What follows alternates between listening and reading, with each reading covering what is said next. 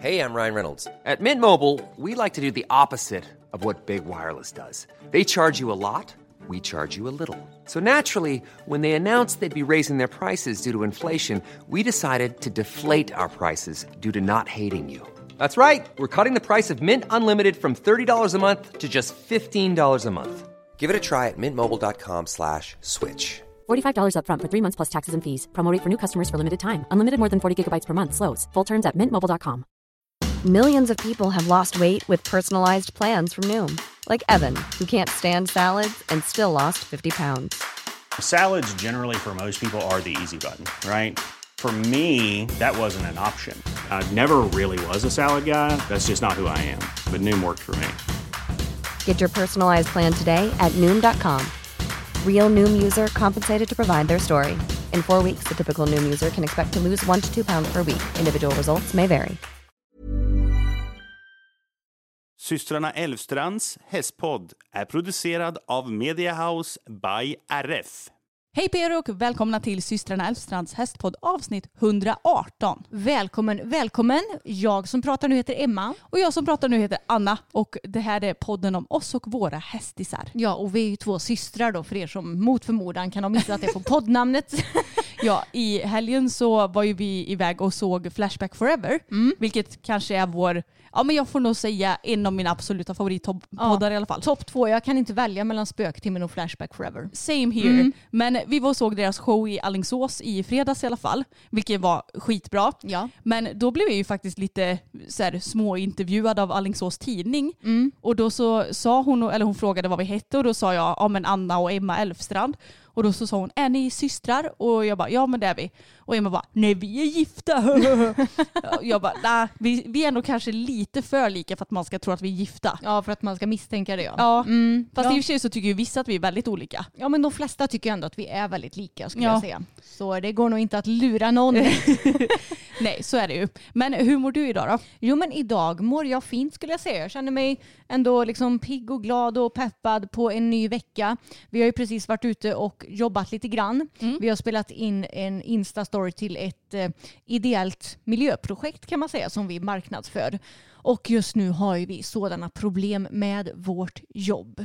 Ja men alltså det är inte lätt att göra samarbeten och sånt när det, det är mycket som hindrar oss hela tiden. Mm, idag då var det först och främst blåsten. Ja och det blåser ju typ alltid här. Ja, men nu har det blåst hur länge som helst utan någon vindstilla dag. När det väl är lite halvt vindstilla, ja men då kan man ju passa på att typ så filma om man har någonting att filma. Men det är inte så lätt när det blåser hela tiden och så bara, ja men vi ska lägga upp det här nu senare i veckan så då behöver vi få det gjort. Så jag fick ju lite utbrott där, först på blåsten, sen så kommer Tage och går förbi kameran när vi äntligen fick till en bra tagning. Ja. Och då flyttade vi oss till en hage utan hästarna i för att vi insåg att det blåste lite för mycket där vi stod. Och sen så ställde vi oss då i den andra hagen med förhoppning om att det skulle blåsa mindre, vilket eh, ja, det gjorde väl det typ. Vi fick ju till en bra tagning till slut utan allt för mycket blåst. Men problemet är bara att då är ju den hagen precis bredvid bilvägen som går utanför vårt hus. Ja och det känns som att så här, om vi sitter inne en dag och, och ja, jag vet inte, sitter vid tvn eller ser att du sitter och jobbar och man ändå ser vägen. Då känns det som att det kommer inte en käft. Nej, Men så fort man jobbar så bara det var... kommer lastbilar och Ja. traktorer och personbilar med släp Ja. och man bara kan ni ta en annan väg tack? Vi, vi borde ha en låter- sån här skylt med filminspelning Ja. pågår typ. Precis, så det låter hur mycket som helst. Så då fick jag ett litet utbrott på det också. Vi har ju de här eh, små failsen på film. Vi kanske kan lägga ut det på eh, vår story eller Instagram eller så Ja. Det är ändå lite roligt. Det är det faktiskt. Vi får göra det. Men Mm. det är inte så lätt alla gånger och man blir så frustrerad och så ska, ska man komma ihåg så vad man ska säga och när det väl flyter på, ja men då kommer det ju någon jäkla bil. Ja, jag vet. Och mamma hon är ju så rolig för hon har ju hjälpt oss idag som hon brukar göra väldigt ofta, vilket vi är väldigt tacksamma för. Men hennes, eh, hennes peptalk, eller vad man ska säga, att det är ingen idé att bli arg på grejer som man ändå inte kan påverka. Alltså till exempel att det blåser eller att det kommer bilar. Jag bara, ja men det är ju vårt jobb som försvåras när det blir så här. Alltså man blir ju frustrerad ändå. Ja, man blir ju det. Och jag funderar på det så ofta att man borde ju kanske skaffa någon mygga eller något. Men vi är så himla, alltså jag är ju en teknisk person. Men det kommer till, när det kommer till så här kamerautrustning och grejer, då känner jag bara, åh jag orkar inte sätta mig in i det typ. Nej, Men eh, man kanske bara borde ta tag i det. ja, sen vet man ju inte hur bra det blir heller. Nej, då kanske man lägger pengar på någonting som in, inte blir bra i slutändan. Ja. Och jag tänker också om man typ rider och ska ha mygga på sig då kommer man ju också höra alla Flås. flås ja. Och det, åh, jag- får typ panik på att tänka på det. Ja men på tal om det här med ljud, alltså jag är ju superduper ljudkänslig. Så jag har ju sovit med öronproppar sedan jag var kanske 12 och anledningen till att jag började det var för att pappa snarkade så sjukt mycket och eh, jag sov ju i rummet bredvid honom så jag hörde ju liksom hans snarkande in i mitt rum. Och sen har jag blivit så van vid att sova med öronproppar så nu, alltså inom stationstecken kan jag inte sova utan öronproppar. Men alltså du har sovit med öronproppar i 19 år nu då? Ja, det är ju sjukt. Ja, det, det är sjukt. Men nu har jag bestämt mig för att jag ska försöka rehabba, tänkte jag säga. Rehabba mig från öronpropparna så att jag kan bli lite mindre känslig. Okej, är det anledningen till varför du gör det för att du vill bli mindre känslig? Ja, men Lite mer härdad? Lite mer härdad, ja. Precis, så jag Ja. ska försöka. Jag kan ju kanske börja så här, ja men när man somnar på kvällen är jag oftast väldigt så här trött. Och sen om man kanske vaknar på natten och känner sig lite störd av någonting, ja men då kan jag kanske sätta in dem. Ja, men alltså, jag förstår ju inte hur du som är så otroligt känslig kan sova med öronproppar. För att Samuel hade över en kompis i fredags och jag var väldigt trött så jag gick upp och la mig och läste och sen så blev jag väldigt trött och tänkte att jag skulle sova. Men grejen är att vårt tv-rum är ju typ precis under vårt sovrum så att jag hörde ju dem satt och pratade och jag kan ju inte bara ni får viska för jag ska sova. så jag bara mm, ja men jag sätter väl i ett par öronproppar då. Men alltså det är ju så fruktansvärt obekvämt. Nej. Jo! Det sitter ju som någon jäkla propp i örat och när man precis har satt i dem så krasar det sen när de ska svälla ut sig. Alltså jag hatar det. Och sen så det sjuka var att jag somnade med dem och bara ah, det här var inte görbekvämt men det dämpar ju ändå ljud lite grann så att jag, jag somnade liksom. Och sen så vaknade jag i natten och känner att jag inte har några öronproppar i. Så då känner jag efter i sängen om jag har tappat dem. Nej då ligger de prydligt på min nattduksbord. Så jag måste ju ha i sömnen ha tagit ur dem och lagt dem där. Jag fattar ingenting. Nej, väldigt verkligt. Ja, nej, så att jag fattar inte hur du som är så känslig ändå kan sova med öronproppar för att jag får klåda. Ja, alltså jag är egentligen väldigt känslig när det kommer till alltså, vad ska man säga, beröring och så också. Jag klipper ju till exempel bort alla lappar på alla kläder för att jag tål inte när något liksom trycker och skaver och sådär. Men eh, ja, alltså jag har ju haft öronproppar så länge så jag har blivit van. Nu känns det snarare konstigt att sova utan någonting i öronen. Jo, jag förstår det. Men något som jag också blev väldigt förvånad över det är att ja, men du är ju som sagt väldigt känslig och alltså, nog för att alla människor inte tycker om förändringar men du är ju väldigt så här, förändringsfientlig. Ja. Och då tänkte jag, för jag har fått lite panik på Emmas eh, så här, lakan till sängen. Eller heter det lakan? Alltså det Eh, som sitter runt täcket. Påslakan. Påslakan heter det. Eller är det till kudden? Nej det är örngott. Just det. Ja men ditt örngott också för den delen och ditt påslakan. Alltså det är ju, du har ju haft det hur länge som helst. Så det är typ söndertvättat så det är helt nopprigt och sådär. Ja, man ska veta att jag tvättar då mina sängkläder ofta. Jag tror jag tvättar oftare än en vanlig person. För när man läser överallt så verkar det som att folk i snitt kanske tvättar sina sängkläder så varannan var tredje vecka. Va? Ja, jag tvättar varje vecka. Jag med. Eh, Okej, ja, men du har ju bara en uppsättning också så därför så torktumlar du och sen byter du direkt. Så jag fick lite panik och tänkte att nu måste jag hjälpa Emma här. Så här kommer feng shui-Anna. Nej jag skojar. Eh, och då tog jag med mig, för vi har lite extra sängkläder hemma, så jag tog med ett dubbeltäcke. Det är ju ett extra stort täcke då. Extra brett kanske snarare. Och ett påslakan och två örngott till din säng. Som Ja. jag tänkte att eh, det här ska Emma få prova. Och då så bäddade jag ju rent med det. Och sen så la jag ditt gamla täcke bredvid sängen och bara ah, får du panik när du vaknar natt så får du väl ja, men, ta det gamla täcket. Men föga förvånande så älskar du det nya täcket. Ja, men alltså, så bra som jag har sovit det senaste, det har jag inte sovit på skitlänge. Jag sover nästan hela nätter. Jag kan sova från, ja men säg att jag somnar vid tio kanske om jag har gått och lagt mig bra tid. Så vaknar jag kanske vid typ fem på morgonen. Och jag vaknar ju alltid på nätterna och behöver gå upp och kissa. Men nu har jag kanske snittat så här en kisspaus på natten och då är det så här tidigt på morgonen. Det är helt sjukt. Alltså, jag Ja. trodde att jag skulle få ett sms på morgonen och bara det gick inte, jag fick ta mitt gamla täcke. Ja, det ska tilläggas att jag provade ju att köpa ett tyngdtäcke en gång när jag, alltså back in the days när jag sov som sämst. Det var ju fan mitt värsta köp någonsin. Jag har aldrig någonsin haft sån ångest, sån panik när jag ska sova. Alltså jag sov typ ingenting de nätterna. och det är det det ska motverka egentligen. Precis. Men det- för mig hade det ju verkligen motsatt effekt då. Ja men ett fluffigt dubbeltäcke det kan jag rekommendera alla. Ja. Alltså det är så skönt. Och nu använder jag ju det främst för att jag och Samuel sover tillsammans. Men det är inte dumt att ha ett när man sover själv heller Nej, det har jag verkligen märkt. Mm. Det i kombination med mina mörkläggningsgardiner som jag köpte för några månader sedan. Ja och, och mina sängkläder från H&M. Mm. De är jättesköna. Det är väl så här ekobomull kanske? Ja, Ja, kanske. de är svinbra.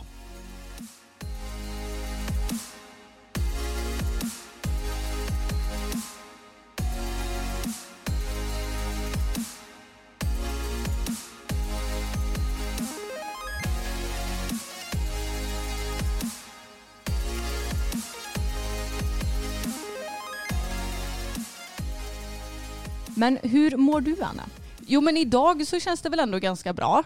Men eh, det är jävligt upp och ner just nu. Jo, igår var det ner och igår hade vi en liten dispyt du och jag. Det är inte ofta det sker men vi hade en liten ja, alltså konflikt kan man väl knappt säga för jag... Nej, du, du, du stack ju ja, ifrån jag mig. stack ifrån.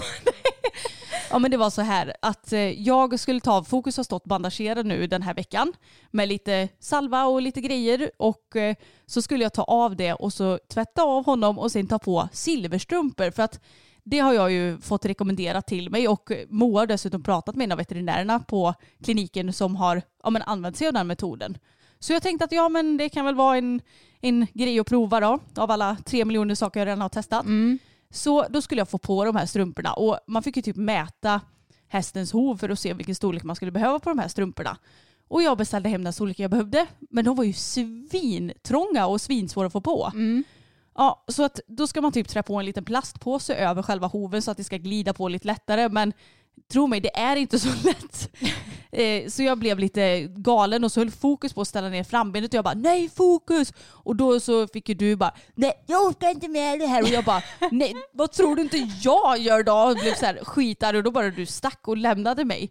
Då, då brast det för mig kan jag Ja, säga. då, då blev det många, många tårar kan jag säga. Verkligen. Men det finns liksom en gräns för hur, hur mycket jag orkar med. Det är liksom inte så att jag har mått toppen heller det senaste. Och Nej, jag, jag orkar liksom inte med all negativ energi exakt hela tiden. Men alltså grejen är att det är inte så illa som du säger. det låter som att jag alltid är negativ. Det är jag ju absolut inte. Nej, men, men jag all- fattar ju. Du är ju alltid negativ när vi ska ta hand om fokusben. Och när jag ändå är snäll och hjälper till och då är det mycket gnäll. Gör så, gör så. Och sen så blir du arg på fokus när han liksom inte, när han vill ställa ner sina ben, vilket man ju kan förstå för han Jo. är lite otålig och sådär. Jag fattar ju att du, jag fattar ju hur du känner också men det blir så här att när man hjälper till att man aldrig kan få något positivt liksom. Tack för hjälpen eller att man bara försöker hålla uppe lågan lite. Jo, nej men så att jag, jag fick ju ett litet smärre utbrott och sen så sa jag det till Fokus bara grät samtidigt och bara nu gör vi det här ihop okej? och han stod typ och gäspade och hade sig för han undrade vad fan jag höll på med Ja. som höll på att störtgrät typ. Nej, men jag fick ju på dem till slut. Och grejen är att de ska väl vara tajta för att de ändå ska sitta på plats. Jo. och för att de ska göra nytta. Så det här blir spännande. Silverstrumpor för er som inte vet det är väl egentligen ja, men strumpor som det låter som har insydda silvertrådar i sig. Och silver ska ju vara ja, men bakteriedödande väl? Ja precis och jag tänker att det som är bra med silverstrumpor det är att de sitter ju verkligen på hela tiden. Ja. Så att det dödar väl bakterierna hela tiden då och motverkar dem från att vad ska man säga, växa eller sprida sig. Och det skyddar ju också benet från smuts tänker jag. Ja, exakt. Och jag kommer nog att låta dem sitta på två dagar i stöten och sen, för jag har ju köpt två uppsättningar eftersom min häst har fyra vita ben. Så då kommer jag ta av dem och så tvätta dem och på med nästa par. Liksom. Eh, och jag ska försöka att inte tvätta så mycket för det känns som att det stör nog benet mer än vad det gör nytta ärligt talat. Kanske tvätta någon gång i veckan om det behövs om man blir väldigt kletig. Ja. Så vi får se. Det här är väl typ mitt sista försök innan jag eh, tar tag i och kollar upp med någon specialist ärligt talat. För att eh, det, ja, jag vet inte, det går ju bara åt helvete känns det som. ja det är inte lätt. Nej, verkligen inte. Och, alltså, jag har varit så jäkla less i veckan också. För att jag pratade ju om i förra poddavsnittet att jag typ mår sämre av folk som kommer med massa tips. Visst har du pratat, har vi sagt det på YouTube också? Eh, det minns jag inte. Alltså jag kommer aldrig ihåg vart vi Nej. säger saker men jag har ju pratat om det i alla fall. Och du- den här veckan har jag fått 50 nya tips.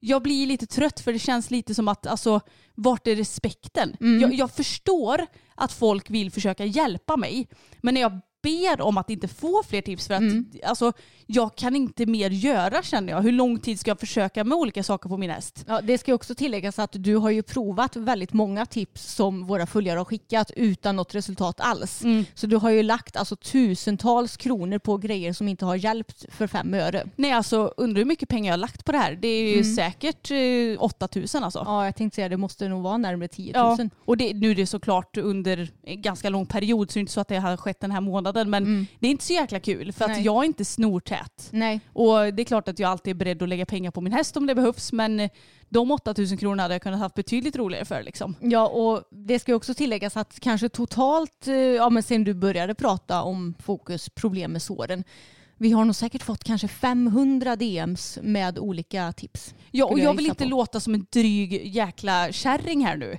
Men det är lite tråkigt när man ber om att, alltså jag vill inte ha några fler tips och får säkert 50 nya.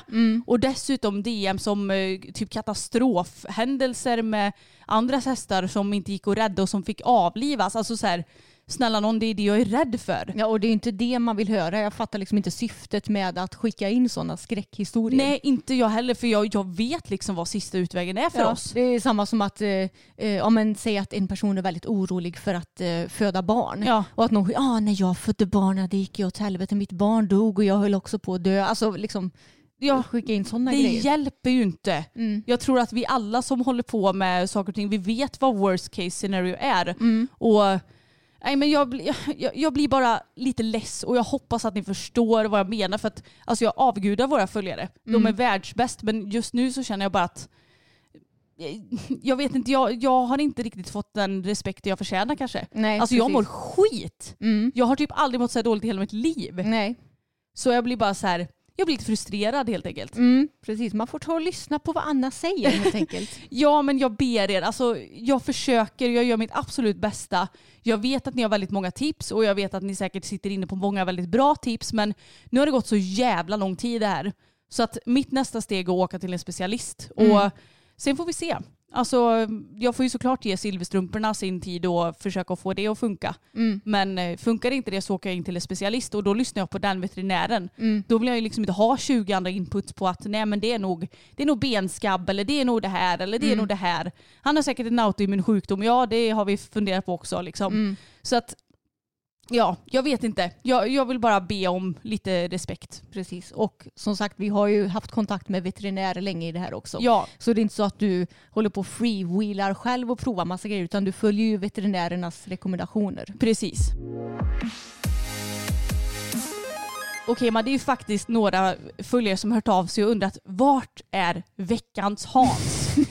Vi har ju inte haft med det det senaste. Nej, vi, vi hade ju inget förra veckan men eh, nu den här veckan så har ju då Hans varit i farten igen. Hans a.k.a. vår pappa då för er som inte Ja. har koll på det. Och ja, som vanligt så är det ju mycket diskussioner om fokus och hans sår här i familjen. Mm, Låt oss säga som så att pappa han har också sina bestämda åsikter. ja, men det verkar som att han är otroligt nöjd med de här silverstrumporna i alla fall. Jaså? Ja, han bara, ah, när ska du börja med silverstrumporna? Han har ju tjatat lite på mig liksom. Och jag bara, jo men jag ska byta till dem på söndag. Han bara, Ja. ah vad bra. Ja. Så att, eh, jag hoppas ju att det funkar nu för då kommer väl han bli ännu mer nöjd. jag tänkte äntligen hade han något positivt att säga om, eh, om det som du gör med fokus. Ja, för det är också en aspekt i det hela. Alltså, pappa, snälla då, han är ju guld värd väldigt många gånger. Men han har ju typ gnällt på allt jag har gjort med fokus under den här tiden. Så att det får ju mig inte direkt att må bättre. Och jag har också sagt det till honom och han har nog förstått det lite mer nu. Ja, fast det tog ju ett halvår ungefär innan han förstod det. Ska Lite tilläggas. så. Ja, nej men det var så kul för då när eh, ja, Moa var här i veckan och hjälpte oss med fokus då kom pappa in också och sen så då sa han ett väldigt fint citat. Ja, för vi pratade väl lite om det här ja, men med hästar och att ingen är perfekt och sådär. Mm. Att det alltid finns någon liksom skavank på hästarna. Ja, och då sa pappa så här.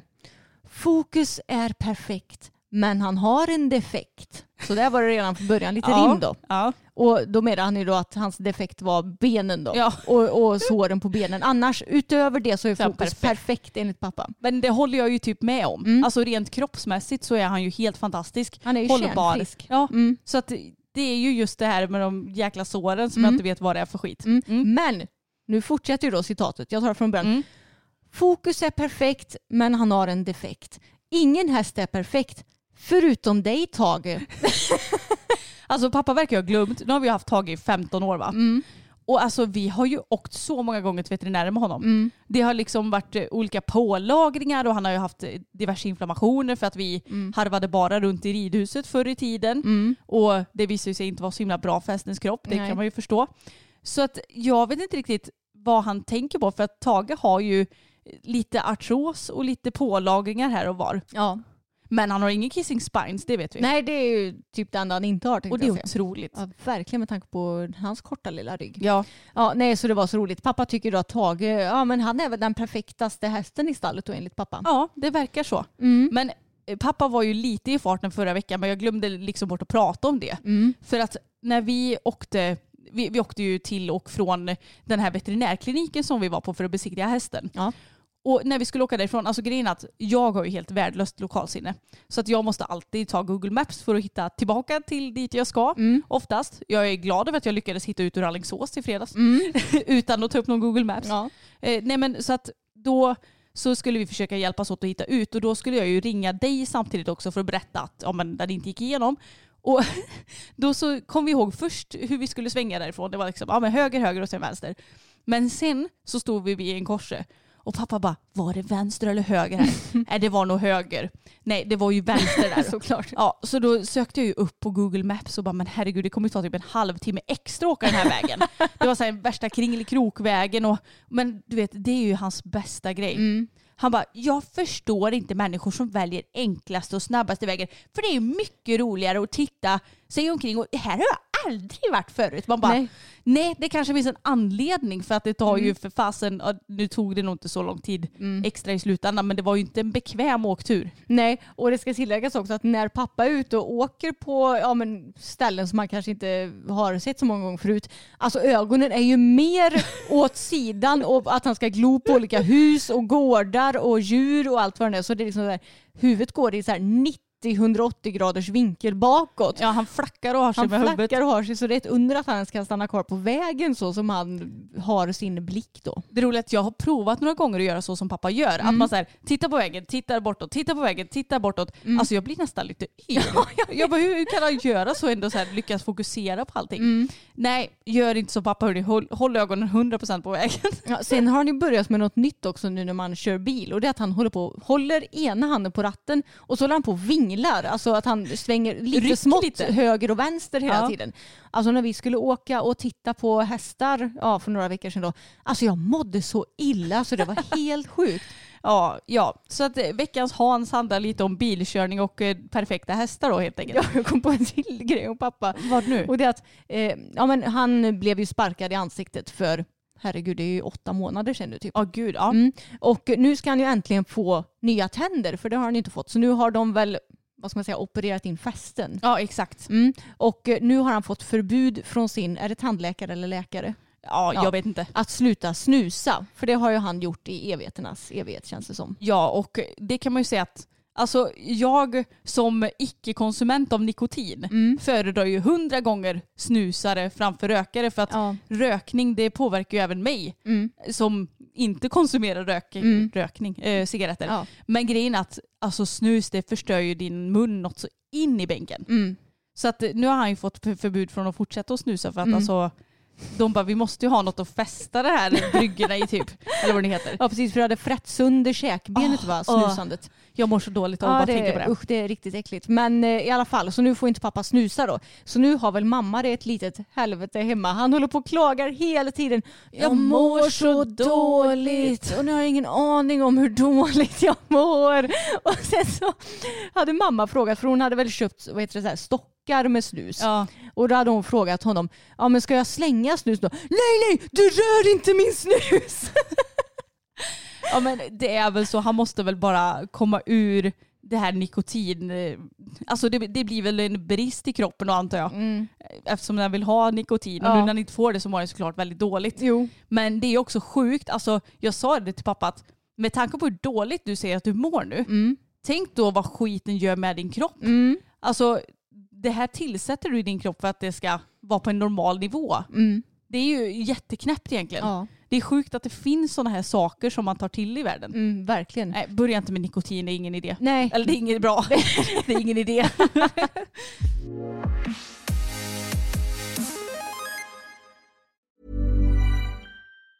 Mom deserves the best, and there's no better place to shop for Mother's Day than Whole Foods Market. They're your destination for unbeatable savings, from premium gifts to show-stopping flowers and irresistible desserts. Start by saving 33% with Prime on all body care and candles. Then get a 15-stem bunch of tulips for just $9.99 each with Prime. Round out Mom's menu with festive rosé, irresistible berry chantilly cake, and more special treats. Come celebrate Mother's Day at Whole Foods Market. Mother's Day is around the corner. Find the perfect gift for the mom in your life with a stunning piece of jewelry from Blue Nile. From timeless pearls to dazzling gemstones, Blue Nile has something she'll adore. Need it fast? Most items can ship overnight. Plus, enjoy guaranteed free shipping and returns. Don't miss our special Mother's Day deals. Save big on the season's most beautiful trends. For a limited time, get up to 50% off by going to BlueNile.com. That's BlueNile.com. Ja, men jag tänkte ta och snacka lite om Bella nu för hon är ju fortsatt igång och känns toppen. Och nu förra veckan så skulle jag in med henne till Husaby för ett återbesök hos Charlotta som ju är hennes ekiterapeut. Och det är ju perfekt för då kollar ju Charlotta dels hur Bella rör sig både på rakt spår och på böjt spår. Och hon såg fortsatt superfin ut. Så skönt att du ändå får Ja. den checken nu. Verkligen, det passade väldigt bra nu när jag ökat hennes träning det senaste och börjat rida på banan. Och alltså nu skulle jag säga att jag rider ju egentligen normala pass, bara det att jag inte har börjat hoppa än. Och, Men det skulle du ju kunna börja med pyttelite i veckan eller? ja, jag tänkte faktiskt börja med det nästa vecka. Nästa vecka. Mm. Antingen det eller lite senare den här veckan. Hoppa Mm. lite små hinder. För det fick jag liksom grönt ljus av Charlotta att göra också. Mm. Så det är jättekul att hon är igång och är så pass fräsch. Jag kan säga som så att när jag sprang med henne på löpargången så var det jag som var halt. inte hon. Vad var det med dig då? Ja, men jag, hade, jag har sträckt min typ högra skinka Ja, och lite det. Hamstring när jag var ute och typ gick i backar och småsprang i skogen för typ en vecka sedan. Ja, men det var så kul för var inte det, skulle vi gå ut och gå med någon mer? Mm. Eller vad gjorde vi? Jag kommer inte ihåg. Mm. Men eh, då skulle du ju hålla i Tage i alla fall, eller leda honom och så hörde jag bara aj, aj, aj. Mm. Och då trodde jag att Tage hade blivit rädd och typ hoppat på din fot eller någonting. Men då visade det sig att han hade blivit rädd för någonting och ryckt till och då hade du också ryckt till. Ja. Och då hade du ryckt till även där du hade sträckt skinka. Ja, exakt. Och jag hade fått en, så här, eh, en reflex Ja. så att mina muskler i röven spändes och det gjorde så jävla ont när de liksom redan var skadade. Ja, nej, så jag sprang ju där och haltade och tänkte att herregud jag kommer typ trilla snart för jag kunde knappt lyfta på benet. Så Charlotta sa ja du såg ju inte helt fräsch ut. Och då sa jag nej jag hade inte gått igenom en veterinärbesiktning idag om jag var häst helt klart. Nej. Men så kollade ju Charlotta också på Bella sin och ja, men alltså, hon var typ finare än någonsin i kroppen. Alltså så kul. Jättekul. Sa inte hon att eh, nacken typ var det bästa gången Jo, också? precis. För Bella hon blir ju lätt spänd i sin nacke. Men nu, ja, men nu vilar hon ju dels lite grann i början av skadan. Men sen så har jag ridit enbart på bettlöst när jag ridit ut i skogen. Och det verkar som att det har gett resultat. Gud vad kul. För det känns som att när hon går på bettlöst, jag har ju ridit henne lite längre och lägre i formen för det första. Och sen blir hon ju väldigt avslappnad på sitt bettlösa träns. Och jag har inte ridit henne i speciellt hög form. Och ja, men när hon blir lite så här spänd och hög i formen så blir det nog lite spänningar i nacken. Plus att jag har också masserat hennes nacke sen förra gången vi var inne hos Charlotta. Och det var ju när hon var liksom frisk och reds mycket på vanligt tränsbete också. Så jag tror att ja, men alla de här grejerna har gjort susen så jag blev väldigt nöjd får jag säga. Mm. Och Bella är nöjd också. Hon är nöjd. Hon älskar ju att vara hos Charlotta. Ja det gör hon. Hon kommunicerar så bra med henne, visar vad hon vill och så. Ja men det är så gulligt för det är ju absolut inte fokus. Han är Nej. mest såhär bara kan du snälla sluta ta på mig för jag Ja. gillar inte det här. Nej men sån var Bella i början. Mm. Men sen så har hon verkligen öppnat upp sig nu för Charlotta och man, hon visar så med sitt kroppsspråk när hon tycker att Charlotta är klar med sin laser. Mm. Så när hon tycker att det är skönt, eller liksom, när det verkar verkligen, då står hon och hänger och ser jätteavslappnad ut och sen så blir hon spänd och kör upp huvudet och stirrar lite grann. Då vet Charlotta att ja, ja okej nu är jag klar här, Mm. då byter jag ställe. Och ibland kan jag också peka lite Ja. att hörru fortsätt lite Precis, med det här. då kan hon peka om hon vill till exempel att man ska ta mer laser på bringan. Då pekar hon liksom ner med huvudet där och bara jag vill ha mer här. Så det är så gulligt hur fint hästarna ändå kommunicerar med oss på sitt sätt. Verkligen. Jag hade ju tänkt väga henne också men vågen var ju tyvärr ur funktion. Ja, men du har ju nästan blivit lite besatt av det här med att väga Jag Bella. har ju blivit besatt av det för Ja. hennes, hon är ju lite av en viktpendlare har jag ju insett. Jo, Och det, på sommaren, ja då, den där vågen den tickar ju rätt så mycket uppåt då kan man ju säga. Och nu har det ju kommit en del gräs det senaste så jag tänkte att hon har nog gått upp lite i vikt för hon var ju verkligen i sitt livsform. Ja men när jag var inne med henne i januari då vägde hon 670 kilo. Och alltså så lite har hon inte vägt sedan hon var fem år och vi köpte henne. nej. Så, eh, och förra sommaren så vägde hon ju fasen nästan 750 kilo. Ja, då, då hade hon kanske lite för mycket gräsmage. så jag misstänker ju att hon kanske ligger runt ja, närmare 700 nu. Kanske inte riktigt men det kommer nog ticka upp lite till. Mm. Vet du vad jag kom på också? Att jag och Bella firar fyra år idag. Nej men är det idag? Ja. Den 16 maj? 16 maj köpte jag henne. Vad kul. Och så fyller hon år snart också. Jag måste bara kolla upp det exakta datumet. Det är Jag tror någon... det är 22 va? Ja, 22-23 någonting där. Mm. Vi får kolla det. Ja. Vi, för vi måste ju ha koll på hästarnas födelsedagar. ja, såklart. Men det är lite kul för att Tage och Fokus har ju fått gå själva nu i en lite mindre hage. Mm. Vi spärrade av uppe vid ja, men lilla lösdriften kallar vi den, den som är närmast eh, vägen där vi Mm. stod och filmade idag. Precis. och då så spärrade jag av hagen och så släppte vi dem tillsammans eftersom Fokus skulle stå lindad så sa vi att det kanske är bäst att han inte rör sig för mycket. Men det är fortfar- den var ju fortfarande så pass stor att de lätt hade kunnat springa om de hade Ja, ja. Men, ja, men som du säger, som när vi gjorde Bellas sjukhage, dels känner man sig lite taskig när man stänger in dem. Mm. Och dessutom så kände vi oss lite taskiga när vi särade på gänget. Ja. För att de har ju stått och gnäggat på varandra hela tiden nu. Ja men de är ju så beroende av varandra. De gnäggar och vart är de? Ska inte ni gå med mig? Och nu när vi släppte ihop dem då var de så nöjda. Jättenöjda. Tagan har fått gå bredvid sin tjej Bella på behörigt avstånd och såklart men han har fått vara åtminstone i närheten av henne. Ja, och pappa sa det att i söndags var det nog när jag kom ut och så skulle fixa med Fokusben. Han bara, åh vad skönt att de ska få gå i den hagen nu för att alltså Fokus har varit så jobbig mot Tage. Han har bara gått och bakom honom i rumpan och på och knuffat på honom så här. Men något som också varit lite gulligt har varit att de har verkligen varit extra mysiga nu när de varit i den hagen. Alltså fokus kommer, har kommit fram varje gång jag satt min fot i hagen. Ja. Och det har det kunnat vara så här, tre gånger under samma dag ibland när man ska så här, fylla vatten, mocka, kanske hämta in dem. Alltså så här, verkligen kommit fram och gosat. Och han fäller ju av det kanske sista av sin vinterpäls nu också så han fäller ju ganska mycket. Och då står jag och kliar honom lite. Och då börjar han klia på Tage. Ja. Men han är inte så snäll heller för att han bet verkligen Tage i Mm. svansen. Jag bara, men du får ju klia då Fokus. Men det är Mm. som att han ska vara lite retsam och bara, jag tänker inte göra det så skönt för dig. Nej precis. Tage han såg mest lite besvärad ut Ja, på den faktiskt. filmen som jag såg. Men Fokus och Wellington de stod och kliade varandra igår såg jag. Ja, jag såg det med. Jättegulligt. Så det, det är skönt nu att eh, alla hästar verkar må bra. De är nöjda och glada. Och igår då red ju både du och jag ut också Anna. Mm. På, du red på Tage och jag red på Bella och det blev ett litet älgsafari för mig och Bella. det, det kul för Alltså vad jag vill minnas så har väl vi mött älg i skogen tidigare men då har det varit typ så här, en älg springer över grusvägen när vi galopperar på den så att hästarna har typ så här tvärnitat för att Ja. de, man har liksom inte knappt ens hunnit reagera på att det har varit en älg. Alltså så har det varit ett par gånger. Men nu var det ju en älg som ironiskt nog stod och typ nosade på älgtornet i skogen. Jaha. Mm. En älgko som var supersöt. Och då travade jag på skogsvägen. Sen så såg jag att älgen var där och saktade av till skritt. Eh, Så att jag inte dels skulle skrämma älgen och att det skulle vara liksom en trevlig upplevelse för Bella. Och du inte skulle flyga av. Ja precis, det kan ju också vara skönt att slippa göra det. Nej men då stod den där och Bella och älgen och stod och tittade på varandra en bra stund. Och sen så gick den bara iväg lugnt och fint. Och när alltså, så stora djur går iväg så upplever jag att hästarna kan bli lite rädda ibland. Mm. Men det var inga bekymmer. Så nu har vi haft en väldigt bra älgupplevelse, jag och Bella. Alltså jag kan säga att jag är glad att det inte var jag och Tage som stötte på den där älgen. Ja men alltså han var så rolig igår för att jag har inte ridit honom på säkert en, ja men över en vecka blir det ju. För att jag har varit så här, jag har inte orkat ta in båda hästarna när jag ska bara rida Tage så att jag bara, nej han får vila. Det har varit skittråkigt för mig för att jag har ju inte ridit på skitlänge nu heller. Det hade blivit lite för mycket gnäll om du hade tagit in Tage och lämnat fokus själv. Känns det. Verkligen, då hade han bara! Mm. Ja, så att jag struntade i det faktiskt. Men eh, inte tagit emot, han eh, vilar sig oftast i form. Mm. Han var görpigg igår och började uteritten med att vara väldigt lugn. Och det var några ungar som höll på att spela basket i ena trädgården och de brydde han sig inte om. Sen så kom det två små hundar och höll på och skällde och kastade sig mot stängslet. De brydde han sig inte om.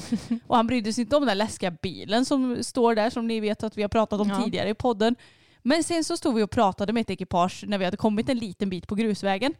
Och så skulle jag rida vidare och då var det som att han blev lite så här, något hände i hjärnan på honom. För att då blev han rädd för någonting i busken. Jag tror det var typ någon fågel eller någon kanin eller någonting. Så var att härja i en buske och blev han rädd för den. Så jag höll på hamnade lite i bakvikt nästan så här. Och sen så ja, men gick det väl ändå ganska bra. Lite spänd var men det gick ändå bra. Och sen så kommer vi till när man har skrittat en bit i skogen och så ska man börja trava. Ja men då travar vi godna ros här och jag bara ditti ditti di. Och rätt vad det är så han bara kastar sig åt sidan. Då är det ett träd som det har fallit bark ifrån. Ja. Som man blir skiträdd för. Och exakt det trädet blev Bella också livrädd för. Och verkligen, som tur var så såg jag det nog lite innan henne så jag var så lite beredd. Men hon kastade sig verkligen också rätt in i liksom offroad-delen Ja. på skogen. Och sen så var det ju ett jäkla projekt att faktiskt få henne tillbaks på stigen Nej, och gå liksom förbi där. För jag hade ju kunnat göra den lätta vägen att liksom fortsätta gå offroad och gå långt ifrån den. Men de måste ju vänja sig också. Mm. Så då sa jag, men nu ska vi gå på den här stigen och du får titta på det i lugn och ro så att man tar det liksom lugnt och försiktigt. Och det gick ju bra till slut men oj oj hon var väldigt spänd. Och det, det finns ju ett exakt likadant sånt träd På på grusvägen. grusvägen. Och hästarna var ju livrädda för det i början också. Verkligen, jag är ju typ på att flyga av fokus när Ja. han tvärnitar för det en gång. Ja, men alltså de är så lustiga för att det är ju egentligen inget utstickande. Det är inte så att det är så här en röd färg eller en gul färg eller någonting Mm. utan det är verkligen bara att det har rasat ner. Jag tror att trädet typ är dött eller någonting, Ja. eller lite rötet. Så då har barken lossnat och lagt sig liksom Mm. längst ner längs stammen istället. Ja. Men det är klart att det blir en ny grej och då tycker de det är skitläskigt. Mm. Men det var också så kul för då hade vi ridit där och det gick ju bra. Han hoppade till som fasen men det var inte så att han skulle stanna och hålla på. Och så galopperar vi iväg sen när vi kommer ut på grusvägen. Och då ser jag i diket så lite längre fram, jag hade inte på mig några linser eller glasögon så jag kisar lite så och bara är det en fågel eller ett djur? Så här. Då ser jag att det är en katt som sitter i diket. Ja. Så då får jag sakta av också för att jag tänker att om den får för sig att springa över vägen då kommer Tage bli skiträdd. Den var så söt för att den såg så himla grumpy ut. Den nästan kisade lite tillbaka på mig blindstyret som kisade på den. Men den satt snällt där så då kunde vi galoppera vidare. Och sen var ju lugn resten av turen. Ja. Men vad rädda de kan bli för lite träd. ja, verkligen. Vi har ju nämnt kontot Blond Dressage på Instagram här i podden tidigare. Mm. Som är mitt favorit equestrian Instagram-account. Ja, du kan ju berätta lite vad hon lägger upp. Ja, men hon har väl lite samma tänk som vi har när det kommer till, ja men hon pratar ju mycket om dressyrsporten och eh, hon, hon gillar ju liksom att rida dressyr och sådär själv egentligen och liksom själva konstformen dressyr. Men att hon alltså kritiserar och visar på problematiken med dagens dressyr. Ja, hon granskar ju väldigt Mm. många tävlingar och bara kolla på den här takten eller kolla på den här Mm. formen. Men jag gillar ju också att hon visar ju ändå upp bra exempel också. Precis, hon visar ju upp bra exempel både från nutiden och dåtiden Mm. och visar upp det som hon tycker är mindre bra och visar, ja men den här piaffen dömde domarna en åtta på. Vad tycker ni att den borde ha fått? Och, Mm. eh, Samtidigt som hon är väldigt respektfull. Det är inte så att hon bara kollar Nej. vilken idiot den här ryttaren är utan det är så här eh, det här är problematiskt med att domarna dömer så här typ. Exakt, jag tycker hon sköter sitt konto på ett väldigt bra sätt. Och därför så är det väldigt intressant att följa också. Och nu förra veckan så la hon ut ett par klipp på Andreas Hellstrand som har ridit Grand Prix på två väldigt unga hästar. De är åtta år båda två. Och det- Wendy och Jovian eller vad heter han? Precis. Och de är ju två lite olika hästar. Jovian är ju, alltså det är ju en helt sjuk häst. Alltså den är ju så rörlig. Alltså jag har aldrig sett den här som rör sig som den gör. Den rör sig så mjukt och luftigt och flashigt så det är helt galet. Det är som att den inte har några leder typ. Nej, det är som att den springer på en studsmatta Mm. hela tiden kan man säga. Och Wendy hon är väl lite mindre och det är klart att det är också en väldigt fin häst men det är inte riktigt samma som Jovian kan man ju säga. Mm. De är väldigt mörka båda två också ska tilläggas. Ja. Eh, Men så hade hon lagt ut två klipp när eh, han rider passage på båda två. Och hur domarna hade dömt den passagen. Och det är helt sjukt för när man tittar på stillbilderna ifrån passagen Mm. så kan man aldrig ana att det är trav som han rider. Nej, alltså jag trodde att det var på väg in i en galopppiruett typ. Mm. Eller något, något liknande där man på, var på väg in i samling. För Mm. att det ser ut som en fyrtakt. Ja. Det ser ut som hästen sitter på rumpan och gör ett galoppsprång. Ja, men precis. Så, och när man också ser, hon har lagt upp både stillbilder och ja, men själva En slow motion film? Nej, Nej, en vanlig en, film. vanlig film Mm. när de går i den här passagen. Och man ser ju väldigt tydligt på filmen att de går ju absolut inte i någon ren travtakt och att det inte är någon korrekt passage. Men så ser man också vad domarna har, hur de har dömt då, Mm. de här rörelserna. Och jag tycker att det är helt sjukt hur domare kan döma så höga poäng. Ja, nu kommer jag inte ihåg exakt vad det Nej, var men det var väl så här åttor. Ja. och sådär, alltså jättehöga poäng. Mm. Hur de kan döma det på en rörelse, som är- en rörelse som är så inkorrekt Mm. när det kommer till ja, men både form och takt och så vidare. ja, för jag menar det var ju verkligen nästan, eller det var ju typ fyrtakt. Eller visst blev det det? Ja men det, Ja, det men- såg helt sjukt ja. ut i alla fall. Och grejen är att jag tyckte personligen att det var lite svårt att se den, då, eller den inkorrekta takten på själva alltså vanliga filmen. Mm. Men sen så är det ju också kanske lättare att se i verkligheten än vad det är att se på film. Men det var, blev så himla tydligt när man såg stillbilderna. Ja, och jag tänker också att domare de måste väl ändå vara utbildade för att kunna se Verkligen. vad som är korrekt och vad som inte är korrekt. Det är jättekonstigt. Eh, hur ska man kunna lita på att de dömer korrekt när man ser det här? Mm. Som inte är korrekt för fem öre och att de ändå sätter så pass höga poäng. Och det är det som är tröket med dressyren att bara för att det kommer in en superflashig häst och att ryttaren heter Andreas Hellstrand och är typ Danmarks mest inflytelserika person inom dressyr så ska han gå och få svinhöga poäng. Ja men alltså, nämnde vi inte det i förra podden? Att Hellstrand fick ju på den här Jovian som är åtta år och alltså ska väl knappt rida på Grand Prix-nivå. Alltså det är så här, gör han det så ska han väl göra det på ett väldigt newbie-aktigt sätt. Mm. Nej men han fick ju av en domare högre än vad Charlotte Dujardin är det väl som har Ja. världsrekordet va? Med Vallegro Med Vallegro. Mm. Det är så här, alltså va?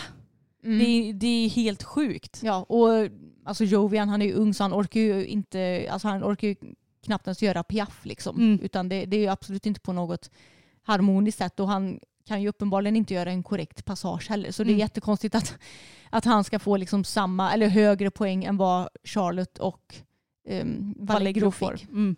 Jättemärkligt. Ja det är jättekonstigt och det är himla tråkigt för att det främjar ju bara att man ska stressa upp sina hästar i klasserna. Mm. Och det främjar också att vi ska ha så flashiga hästar som möjligt. Skitsamma om de går i någon ren takt eller Mm. vad de har för form. Typ för att det är inte det som döms. Det är bara hur de sprattlar med benen som döms. Mm. Och vad du heter som Ja. bedöms. Verkligen. Ja, nej, jag, är, jag är trött på den här skiten med hur domarna dömer och Mm. sådär. Och sen, ja, men sen tycker jag också att det är så märkligt att ja, men till exempel Jessica von Bredow Werndl, hon, hon rider ju så fint och det ser ju allt som ofta så himla korrekt och bra ut. Så jag, jag fattar liksom inte varför får hon så bra poäng när det ser så bra ut? Exakt. Medan någon annan som är otroligt mycket mer inkorrekt också får så himla bra poäng. Jag vet. Och sen så kan jag tycka också många gånger att det finns sådana som rider som Jessica. Mm. Som kanske inte har så jätteflashiga hästar men de gör ändå det de ska. Mm. De får jättemycket mindre poäng Ja. också. För jag tycker inte att, eh, vad är det hon heter nu då? Davaleria? Nej, vad heter hennes häst? Daleria. Daleria. Da, Dalera. Dalera. Dalera. Ja. Davaleria. Eh, nej men det känns som att hon är ju inte den mest flashiga hästen i hela världen. Nej. Men de gör ju det så himla korrekt som du Mm. säger. Och det ser så himla harmoniskt och trevligt ut. Bra Mm. form. Mm. Men ändå så kan sådana som rider på ett väldigt trevligt sätt få jättemycket mindre poäng. Ja. Jag fattar inte. Nej. Det ska ju inte bero på namnet. Alltså egentligen så borde man ju Ja det är klart man ser ju vem det är. Jag, jag vet inte hur man skulle göra men Nej. det är så tråkigt att det blir så partiskt. Jag vet. Det är ju det. Och det, det känns som att när det kommer till dressyr det är så himla mycket som har med namn att göra. Mm. Det blir ju mer rättvist i hoppningen för där kan ju liksom inte namnet påverka det resultatet som du får på banan utan det enda som kan påverka är ju hur du rider om hästen hoppar över hindren felfritt eller inte. Liksom. Verkligen. Fastän det, det kanske är så här, det här är kanske någonting för the way of the future. Mm. Men det kanske kommer komma så här dressyrdomare som är robotar. Ja. Som så läser av hästens takt. Mm. Ser att det är en korrekt passage och sätter betyg efter hur formen är. Och Mm. Det kanske kommer vara något. Då kommer inte de vara så partiska för det är Nej. ju en dator. Jag tänkte säga det, det borde ju vara det mest ultimata. Varför går vi ut med det här i podden Emma? Det är ju en Det är affärsidé affärsidé. för 17. Eh, vi klipper det här nu. Vi Precis. klipper det här nu och så får jag leta upp någon riktigt smart jäkel som kan hjälpa mig med det här projektet. kommer jag bli stenrik. Vissa hade nog blivit väldigt glada och andra blivit väldigt ledsna för, Det tror jag för med. den här eh, idén som du har. Men tänk vad bra det hade varit för att då hade man ju verkligen kunnat så här, alltså det här är dressyrens filosofi, Mm. mata in det i roboten Precis. och så här, den får ha lite eh, ja men jag vet inte, man, kanske får ha något lite överseende om att, eh, eh, jag vet inte. Nej jag, jag, vet inte hur det skulle gå till för Nej, att jag men- är ingen programmerare. Men, Men jag tänker att artificiell intelligens har väl ändå gått så pass långt nu att det borde ju, alltså det känns ju som att det typ borde vara möjligt att införa nu. Ja. Om någon riktigt smart person hade gjort det. ja, jag tycker det är lite läskigt med AIs och bo- robotar. Mm. Men det hade ju kanske onekligen varit att bryta det här partiska och att man dömer efter vilket namn det är för de har ju ingen aning. Nej, exakt. Det, ja, Fan vad smart vilken det är då. snilleblixt jag fick. Riktigt Snilleblixten Ane. Ene och sin dressyrrobot. Exakt. Ja, det är, så det, det är ju tyvärr tragiskt att det är så i dressyren just nu då. Ja, verkligen. Men man får ju försöka att bara alltså, vara glad för på något vis att det finns så bra exempel som Jessica. Jo. Även om det är tråkigt att det, det känns inte som att de är så många som är ett bra, Nej. ett bra exempel. Gud, jag kan inte prata. Men så som jag sagt så många gånger förut också att det känns ju ändå Alltså, det är sällan som jag tycker att så här, domarna på den nivån som vi tävlar, Mm. att de dömer helt konstigt. För det tycker jag ändå, ja men oftast att ja, men de som blir placerade, ja men det är väl de som förtjänar att bli placerade. Ja. Sen kan det vara något undantag ibland med att ja, där tyckte jag att jag förtjänade mer eller mindre poäng. Liksom. Mm. Men när det kommer till ja, men de högre klasserna då känns det som att domarna bedömer ju för fasen helt olika grejer. Och det är klart att jag en lätt A1 det är inte samma sak som en Grand Prix. Nej. Men alltså, man ska väl inte döma likadant på de som fundamentala grunderna så som takt och form och att det borde liksom gå först och sen efter det ja, men också hur väl man utför rörelsen. Ja, Men när, ing- när inget av de grejerna premieras så undrar man ju vad fasen det är som bedöms. Ja, vad tittar de på? Mm. Ja, men det är ju kanske är som sagt hur, hur högt hästen studsar uppåt i passagen. Ja, Det är så här, oj, höjdskillnaden var på 40 centimeter, vad bra. hur högt den Åtta. lyfter frambenen. Ja, hur, hur typ. mycket den går och krullar ihop sin nacke. Ja. Är- Hur lite mellanrum det är mellan eh, Ganachen och- hals.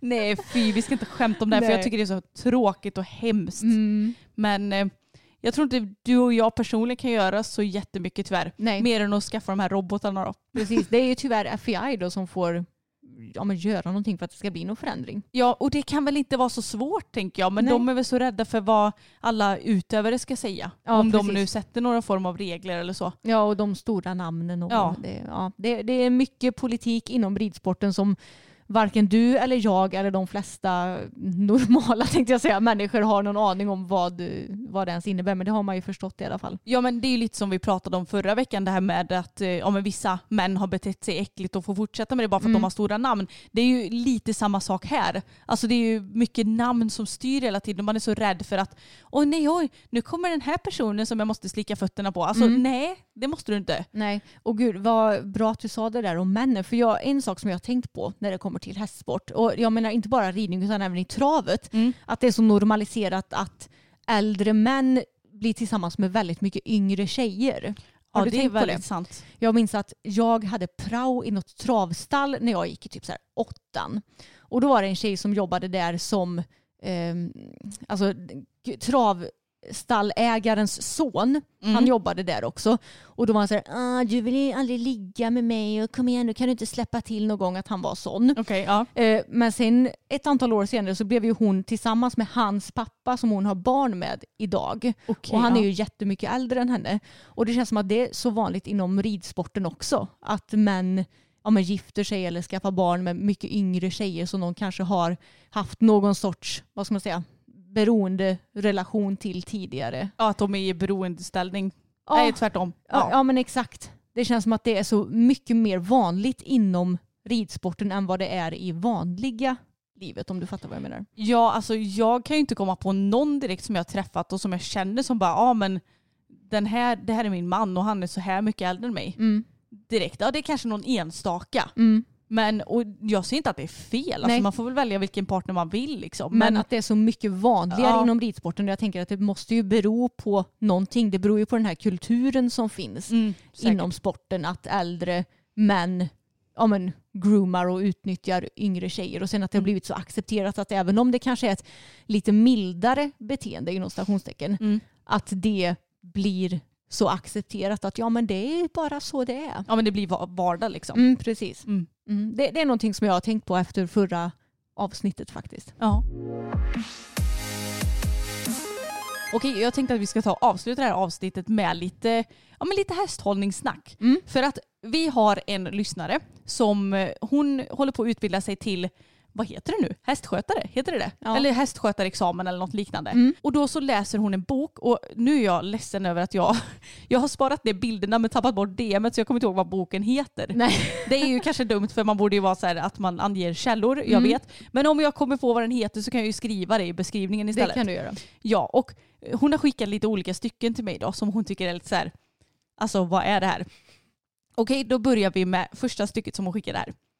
De flesta hästar i arbete och träning mår bra av två-tre timmar i rasthagen varje dag. Hästen får frisk luft och möjlighet att röra sig och mjuka upp sina muskler samt får omväxling till arbete och boxvistelse. För många hästar är utvistelsen vistelsen också ett bra sätt att bli av med överskottsenergi och psykisk spänning.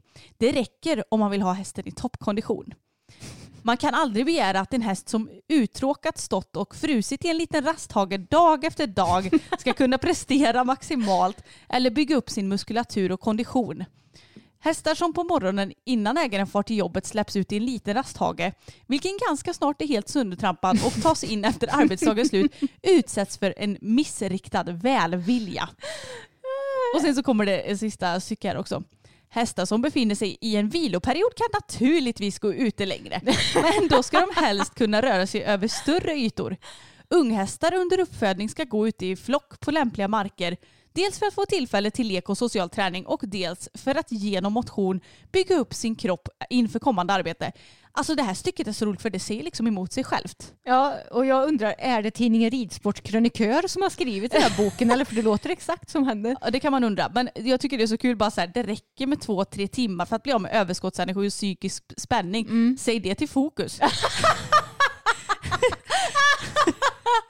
Han hade bara, det räcker inte Nej. madam.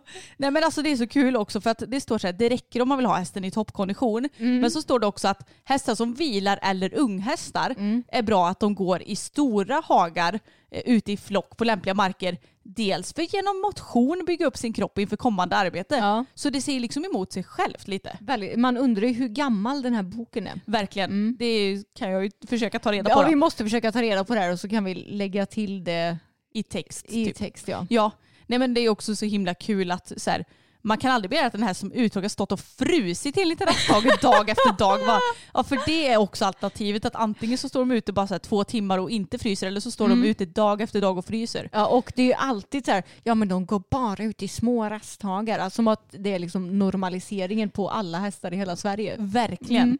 Och sen så har vi ett eh, stycke som handlar lite om rengöring, alltså mockning då, Mm. under dagen. Och det står ju också så här att ju oftare man kan se över hästens box eller spilta desto renare går det att hålla den. Man bara Nej! Och så står det här. Förutom den noggrannare rengöring morgon och kväll bör man plocka ur de synliga högarna minst ett par gånger under dagen. Lämpliga tillfällen är när man sköter hästen eller gör i ordning den för arbete. Alltså tror, fo- eller, tror den som har skrivit den här boken att folk inte har något jobb som de är i på dagarna? Eller hur? Alltså ska man sitta där som en liten hustomt i hörnet av Ja. boxen och så fort hästen lyfter på svansen så sticker man under en hink eller vad, alltså, vad tänker de? Det är också det, det är här, här som är grejen. Om hästen hade gått ut i den där hagen då hade man inte behövt göra det där extra jobbet. Nej, och det är klart att man kanske behöver mocka hagen då i sin tur, men jag menar det kanske man ändå kan göra lite mer sällan än att stå där stå som en hök och typ göra det tre gånger om dagen. Alltså, vad tror de att folk gör? Är det här bara så här för professionella stall? Ja, det låter ju mycket mer inriktat på det. Ja. Det kanske är det som är grejen med hästskötarexamen, att man tänker att man ska ju jobba i sådana här professionella stall. Jo, i och för sig, men det är ändå kul. Att Hur ofta tänker du att man ska mocka? Bara, "Oj, jag hinner inte putsa till för jag måste mocka igen. Bara. Ja. Okej, nu kommer vi vidare här till underlag och väderlek. Små ytor som rasthagar utsätts för ett stort slitage. Ytan bör därför beredas med sand eller grus och regelbundet hållas efter. Ja, men det håller jag ändå med om. En söndertrampad ojämn rasthage med döda träd, hål och uppstickande rötter är farlig för hästarna. Den ger också en dålig bild av hästhållning. Men alltså, man går väl inte och sätter upp en rasthage mitt i skogen eller vad? Jag känner lite det också. Och hål, när det är klart Ja. som tusan att man inte låter det vara. Det finns underlag och väderlek då det är olämpligt att släppa ut hästen. Om marken är frusen, ojämn, hal, bottenlös eller om det ösregnar mår hästen bättre i stallet. Det är många dagar på året när det är fruset ute som hästen aldrig får komma ut då kan jag säga. Japp. I synnerhet uppe i norr. Ja, verkligen. Då, då kan de ju bara komma ut några månader per år då. Ja. Det är så här, nu blir det sommarbete och sen så tar man in dem för vintern igen. Det är inte värt att riskera hästens hälsa, även om man har kommit överens med hästägaren om daglig utevistelse eller för att det ska bli lättare för ryttaren eller kusken att rida eller köra. Här måste alla respektera den ansvariges goda omdöme. Jag dör! Det finns andra sätt att rasta hästen, till exempel genom att longera eller släppa den lös i ridhuset. Ja men då är ju bara bekymret om man inte har stallet ihop med ridhuset, då måste man ju halka ut till ridhuset Ja. istället. Exakt. Och jag, alltså gud vad roligt. Så då menar alltså att, ja men säg att en hästägare har sin häst hos Peder Fredriksson. Ja. Och då ska Peder bara, nej jag tänker inte lyssna på dig. Du vill att din häst ska gå ut i hagen tillsammans med någon. Nej, det tänker jag inte göra. Mm. Och att han ska göra något helt annorlunda då mot vad hästägaren säger. Ja, exakt. Och sen fattar jag inte riktigt heller när de sa att det är den, vänta kan du inte läsa det igen? Eh, vänta, eller vad, vilket stycke menar du? Jag, jag menar när det här med att eh, inte hästägaren ska bestämma och det som kommer efter det. Ja men eh, då står det att eh, även om man kommit överens med hästägaren om daglig utevistelse, här måste alla respektera den ansvariges goda omdöme. Ja men vem är den ansvarige? Är det hästskötaren då som ska ansvara? För det står ju också även om ryttaren och kusken vill.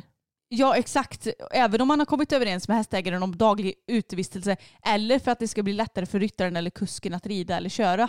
Alltså typ om det är asgeggigt i hagen så vill man att hästen ska stå inne för att det är lättare för ryttaren eller kusken då antar jag. Ja, ja precis. Ja. Jag, jag kände bara vem är det som är ansvarig i det här hela? Ja det undrar jag verkligen också. Det borde ju vara, säg att du äger ett inackorderingsstall. Mm. Då är det ju du som är den ansvariga anser jag. Ja. Om jag kommer som hyresgäst till ditt, ditt stall. Mm. Men det är väldigt lustigt där för att jag känner lite att om marken är frusen, ja men då löser man ju det genom att antingen grusa upp eller salta. Mm. Eller kanske både och. Och brodda kan man göra också. Exakt. Om den är ojämn, ja då försöker man ju jämna till den. Mm. Eh, bottenlös är kanske lite svårare att göra någonting åt. Men jag tänker att man borde ju inte ha sån mark att det är bottenlöst överallt. Det borde Nej. ju alltid finnas att gå och stängsla om haga lite. Eller. Mm. Alltså, jag tänker att det finns ju lösningar på problemen. Mm. Men ja, det är ett lite lustigt stycke. Mm. Och sen så är det ett eh, sätt om att föra hästen till hagen då. Mm. Om man är det minsta osäker på om man har kontroll över hästen så ska den utrustas med huvudlag eller stigbett. Om hästen har grimma, använd alltid kedjegrimskaft med kedjan trädd genom grimman för säkrare kontroll. Det här är också lite lustigt för att jag känner lite att det är klart att det finns hästar som är lite tokiga och det finns hingstar som ja, men kan vara lite oberäkneliga. Alltså jag köper att man kan behöva kedjor. Mm. Men snälla ska jag leda Tage med kedjan? alltså, han är ju en snigel. Ah, Och jag tänker också att om du behöver kedja på en inom stationstecken vanlig häst, alltså typ inte hingst eller någon häst som kanske har varit skadad och stått på boxvila hur länge Ja, som helst till exempel. Alltså då är det ju väldigt mycket som brister i den grundläggande hanteringen och horsemanship och plus Ja. att den kanske då har överskottsenergi för att den går ut i hagen för lite så att det blir en ond cirkel. Lite så jag alltså tänker med. ett kedjegrimskaft det döljer ju bara Symptomen. symptomen. Mm. Yes, och det här är lite också då hur man bör klä hästen i hagen. Eh, och då står det här att man bör bandagera livliga hästar eller utrusta dem med andra typer av benskydd så att de inte skadar sig i hagen. Ja, alltså, jag köper väl att man kan behöva benskydd men bör bandagera. Ja, det låter väldigt opraktiskt. Mycket. Och tänk om de här går upp och hästen trasslar in sig. Och, nej, Mm. det låter inte så himla smart. Okej, nu har vi gått in lite då på hästskötsel och det här är också det sista stycket som jag Ja. har fått skicka till mig. Och det handlar om gula fläckar, alltså om hästen har fått lite urinfläckar då. Mm. Om hästen har gula fläckar av urin eller träck kan dessa vara svåra att få bort. Jo tack, det Mm. vet vi. Efter Bellas, eh, hon älskar att ligga i kiss, Mm. får man tvätta. En häst som kommer till arbete med gula fläckar ger sin innehavare dåligt rykte. Men gud! Alltså ursäkta men om jag skulle se en häst som kommer på en träning som har kiss på sig, Mm. inte hade jag bara Alltså Emma har du sett en kissgul Mm. på skinkan? Alltså ursäkta men vem bryr, Vem bryr sig? sig, ja. Så länge hästen mår bra och inte fräter sönder pälsen. Mm. Här följer några råd om hur man undviker att fläckar uppstår respektive behandlar uppkomna fläckar. Håll bädden ren och torr. Ja, då har vi ju förstått det som att man behöver stå och mocka typ varje vaken minut om man ska ha hästen inne på box 22 timmar om dygnet. Täcka hästen om den är skimmel eller lätt smutsar ner sig. Ja, köper man då en skimmel, då får man ju också köpa en uppsjö av täcken för att den får ju inte bli smutsig. Nej, Alltså det spelar ingen roll om det är sommar och 30 plus, den måste ju ha ett täcke på sig så att den inte blir smutsig. precis. För då kan man få dåligt rykte. Mm. Fläckar går oftast bort om man borstar går oftast bort om man borstar hårremmen fram och tillbaka upprepade gånger. Det här är faktiskt ett bra tips. Mm. Istället för att bara borsta med hår så kan man liksom rugga upp hälsen Ja, lite. precis. Det kör jag också med. Mm. Tvätta med tvål eller diskmedel och vatten i god tid före arbetet så att hästen hinner- torka. Strö pulver av krita på fläcken och borsta av. Ja. Det här låter verkligen som så här gammal Måste vara tips. gammalt ja. I hästsportbutiker finns speciella medel som löser och gör rent fläcken. Ja, det var det. Mm. Eh, Men jag tycker det är så kul bara, vadå dåligt, Dåligt rykte? Alltså, ja, alltså, jag vill ju så gärna veta vilken bok det är, hur gammal den är, vem som har skrivit den. Ja, jag ska verkligen försöka hitta det här för att eh, det, det är så dumt ibland när man tänker att man har sparat ner använda. Men jag måste ha skrivit ner det någonstans eller? Ja. Ja, ibland blir jag galen på mig själv för jag tänker att jag ska göra saker och så gör jag inte det alltid. Jo, nu har jag hittat här. Det är Madde som har skickat till Mm. oss. Och boken heter Hästhållning i praktiken. Inför hästskötarexamen heter det ju. Ja. Ja. Exakt. Och då skriver hon här att hon har kommit 50 sidor in i boken och känner att jag vill kasta den. har arbetat med den förut i skolan men aldrig läst en sida upp och sida ner som jag gör nu. Så ja, då förstår ni att det kanske är alltså 50 sidor in och hon har ändå skickat en, två, tre, fyra stycken sidor där det är lite så här, eh, va? Vi- Vissa väldigt skojiga grejer som det står. Verkligen. Tack Madde för det här eh, var kul. Ja. Och jag hoppas ju att det är lite sådär att ja, men inte alla kanske verkligen utövar det här i praktiken. Nej, man behöver kanske inte ta det så bokstavligt. Nej, och det är säkert jättemycket bra så här, säkerhetsgrejer och sånt som står i boken. För att som vi brukar säga, då är jag inga säkerhetsgurus Nej. alltid. Men eh, ja, lite överdrivet kanske. Mm. Ja men das war alles. Som man säger på tyska. Precis. Mm. Men eh, tack så mycket för att ni har lyssnat på dagens avsnitt. Och eh, ja men vi finns ju på YouTube, systrarna Elfstrand. Vi finns också på Instagram, systrarna Elfstrand. Mm. Och Anna Elfstrand och Emma Elfstrand om ni vill följa oss privat. Det händer ju kanske inte så mycket där men Ja, men vi lägger alltid upp lite grann ibland. Ja, ibland. Mm. Men hörni, tack för att ni har lyssnat och vi hörs igen med ett rykande färskt avsnitt nästa vecka. Det gör vi. Hej då! Mom deserves the best, and there's no better place to shop for Mother's Day than Whole Foods Market. They're your destination for unbeatable savings, from premium gifts to show-stopping flowers and irresistible desserts. Start by saving 33% with Prime on all body care and candles. Then get a 15-stem bunch of tulips for just $9.99 each with Prime. Round out Mom's menu with festive rosé, irresistible berry chantilly cake, and more special treats. Come celebrate Mother's Day at Whole Foods Market. Hey, it's Paige DeSorbo from Giggly Squad. High quality fashion without the price tag. Say hello to Quince. I'm snagging high-end essentials like cozy cashmere sweaters, sleek leather jackets, fine jewelry, and so much more. With Quince being 50 to 80% less than similar brands. And they partner with factories that prioritize safe, ethical, and responsible manufacturing. I love that. Luxury quality within reach. Go to quince.com slash style to get free shipping and 365 day returns on your next order. Quince.com slash style.